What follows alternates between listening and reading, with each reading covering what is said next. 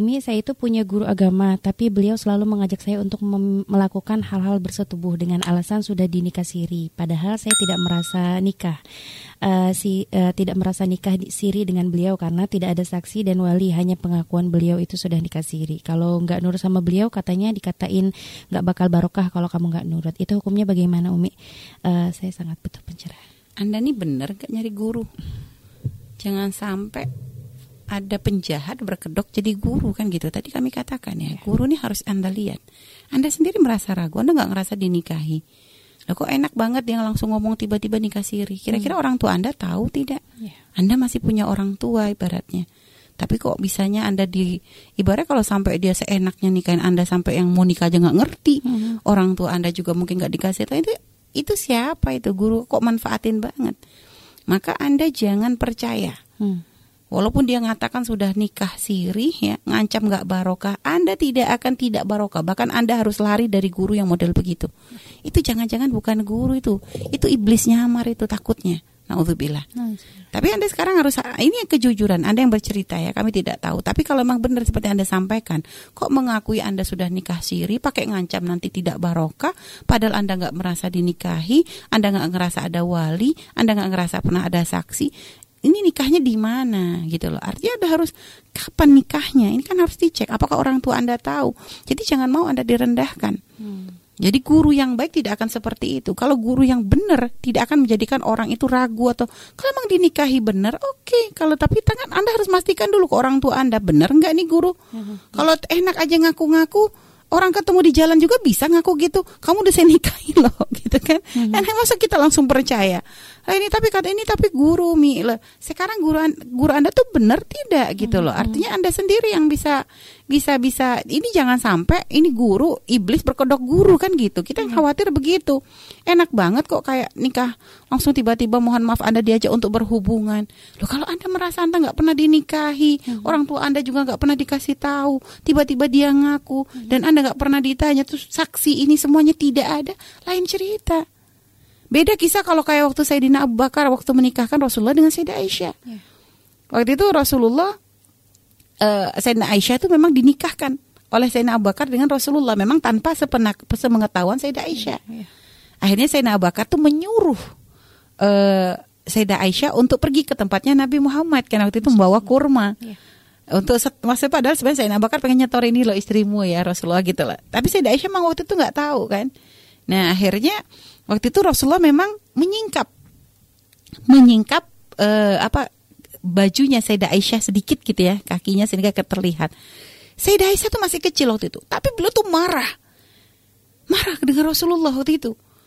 Padahal beliau tuh secara akal masih belum sempurna, hmm. tapi beliau tuh ngelihat karena beliau tidak tahu kalau sudah dinikahkan, lihat. Hmm. Padahal bukan sampai mohon maaf sampai tadi mengatakan sampai hubungan suami istri ya, hmm. hanya nyingkap gitu dan padahal itu adalah nabi gitu ya. Hmm. Sayyidah Aisyah tahu itu Rasulullah nabi, itu pun beliau masih begitu tegasnya, maksudnya marah karena nggak tahu kalau ternyata sudah halal datang hmm. kepada ayahnya langsung ngadu ya kok Rasulullah begitu Makanya kata kata Senda Bakar jangan kamu merasa buruk dengan Rasul. Aku sudah nikahkan loh. Itu kan lain. Hmm. Nah sekarang anda tanyakan ke bapak ibu anda, udah dinikahin ke bapak anda, udah dinikahin bener nggak? Kalau belum ya jangan mau anda. Hmm. Jangan jangan ini guru ini menipu pakai atas nama guru. Kalau nggak nanti nggak barokah. Malah kalau anda ikuti anda dosa gede. Hmm.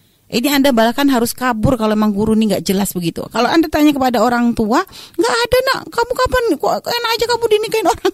Kalau misalnya orang tua Anda nggak ngerasa menikahkan Anda, Anda juga nggak pernah ngerasa udah din, jadi jangan percaya omongan, apalagi tidak ada saksinya. Hmm. Nggak ada saksi, nggak ada wali ini nikah model apa? Emangnya Anda tuh kucing, enak aja langsung uh, mohon mau digauli seperti itu nggak pakai anda tuh orang anda terhormat wanita dimuliakan nggak seenaknya seperti itu dong. Pernikahan tuh bukan sesuatu yang bisa dipermainkan bukan hanya untuk sekedar memenuhi syahwat selesai selesai nggak bisa. Hmm. pernikahan itu ibadah. Makanya jangan sampai naudzubillah mengatasnamakan per pernikahan padahal sebenarnya itu adalah kemaksiatan. Hmm. pengen berzina tapi pakai bahasa nikah. Dan tidak ada bukti nggak ada saksi nggak ada wal ini model pernikahan macam gimana? Maka Anda tidak harus patuh. Tidak, Anda tidak akan malah kalau Anda ngikutin Anda naudzubillah Anda dosa besar. Uh-huh. Hindari guru seperti itu. Kabur aja lah kalau dari dari guru model begitu menjauh Anda. Uh-huh. Kalau memang benar dia karena dia telah main-main urusan syariat. Uh-huh. Kok pernikahan kayak begitu remehnya di mata di matanya sampai anda sendiri nggak ngerasa dinikahi wali juga nggak tahu atau gimana. Nah, makanya tadi coba tanya dulu ke bapak. Jangan-jangan mungkin kasusnya juga bisa seperti kasus Sayyidah Aisyah. Yeah. tanya dulu ke orang tua anda jangan-jangan misalnya anda memang nggak ngerasa dinikahi. Tapi ternyata bapak anda sudah nikahkan. Loh lain cerita. Hmm. karena bapak anda juga punya hak sebenarnya menikahkan anda. Walaupun memang sebenarnya secara Islam harusnya anda juga ditanya. Iya. tapi kan kita anda nggak tahu. Cek dulu deh kebenarannya. Kalau ternyata bapak anda tidak merasa menikahkan anda maka jangan mau dengan omongan guru ya walaupun dia pakai ngancam berkah nggak berkah tidak ada tidak akan nyampe doanya. Bahkan kalau sampai dia menyumpahi anda misal melaknat anda kalau kamu nggak nurut nanti kamu akan sengsara. Itu sengsara itu akan kembali kepada yang menyumpahi. Kalau memang tidak tepat mau ditujukan itu tidak akan kembali kepada anda. Jadi seperti itu Allah alam bisawab Baik Umi, Eh, beliau itu seorang ustadz Umi, banyak amalannya, beliau sering dimintai doa karena beliau di desanya terkenal orang pintar Umi. Eh, kalau eh, kata beliau tujuan bersetubuh ke saya itu katanya agar doa saya cepat dikabulkan dan dapat ridhonya Allah. Tapi dengan bodohnya saya nurut Umi, setelah saya sadar sepertinya saya tidak pantas eh, eh sepertinya tidak pantas guru yang seharusnya mendidik malah menjadi sebaliknya. Gitu. Itulah Gitu. lihat kan aneh tuh ceritanya. Biar doanya dikabul. Hubungannya dari mana? Sejak kapan? Kalau memang cara ini Nabi banyak mendoakan para sahabat, tapi nggak ada dengan cara model begitu. Itu kan ini makanya itu modus itu. Itu bukan guru, itu penjahat. Makanya kok Anda turuti udah telanjur lagi. Maka gimana? Anda bertobat kepada Allah. Anda nangis dan Anda pergi menjauh dari makhluk tersebut. Anda tinggalkan tuh bukan guru tuh setan itu. Kalau memang benar, Anda apalagi atau Anda sudah ngecek misalnya, saya nggak tahu tadi Anda sudah ngecek orang tua atau tidak. Kalau misalnya Anda sudah ngecek kok ternyata memang belum dinikahi, tapi Anda kok terlanjur sudah menuruti, maka Anda wajib pergi dari tempat tersebut. Menjauh sudah, jangan mau kenal lagi dengan laki-laki tersebut, menjauh selamatkan diri Anda, selamatkan agama Anda. Sudah Anda nangis kepada Allah, Anda sesali dosa Anda karena Anda telah mengikuti iblis. Ya, Anda menuruti bisikan karena itu bukan bukan guru kalau kami. Itu nggak ada. Bagaimana cara kok harus berdoa, kok harus mohon maaf dengan cara seperti itu? Itu modus itu. Modus itu. Jadi walaupun dia kata diakui oleh kata diminta doa itu penjahat itu naudzubillah. Dan itu banyak sekarang orang mengatasnamakan agama hanya untuk mencari mem- memenuhi syahwat duniawinya itu banyak sekarang. Berapa kali kasus seperti ini?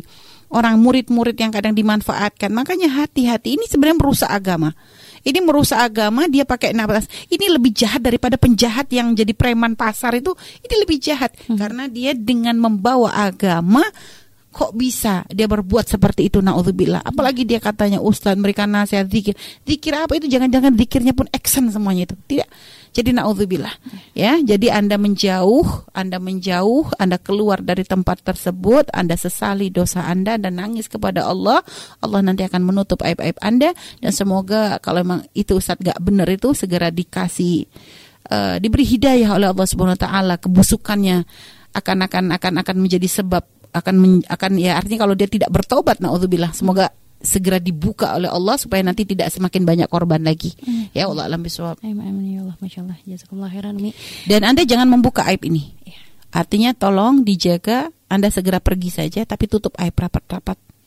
Tapi kalau misalnya subhanallah. Ini mungkin ada komunikasi khusus saja deh. Kayaknya seperti ke ini karena memang kasus seperti ini apakah nanti? Karena biasanya kan eh, mungkin satu sisi pengen supaya nanti kasus karena biasa ada kasusnya supaya terbongkar gitu ya. Pengen iya. satu sisi supaya nanti tidak ada korban, Korban lagi, lagi, tapi iya. satu sisi kan yang dikorbankan adalah anda aib anda tentu eh, akan akan terbuka dan itu nanti naudzubillah akan menjadi khawatir nanti ke depan. Makanya seperti ini harus ada komunikasi khusus saja supaya nanti kami bisa bisa mengarahkan untuk seperti apa langkah-langkah anda ya. Iya. jadi seperti itu Allah alam bisawab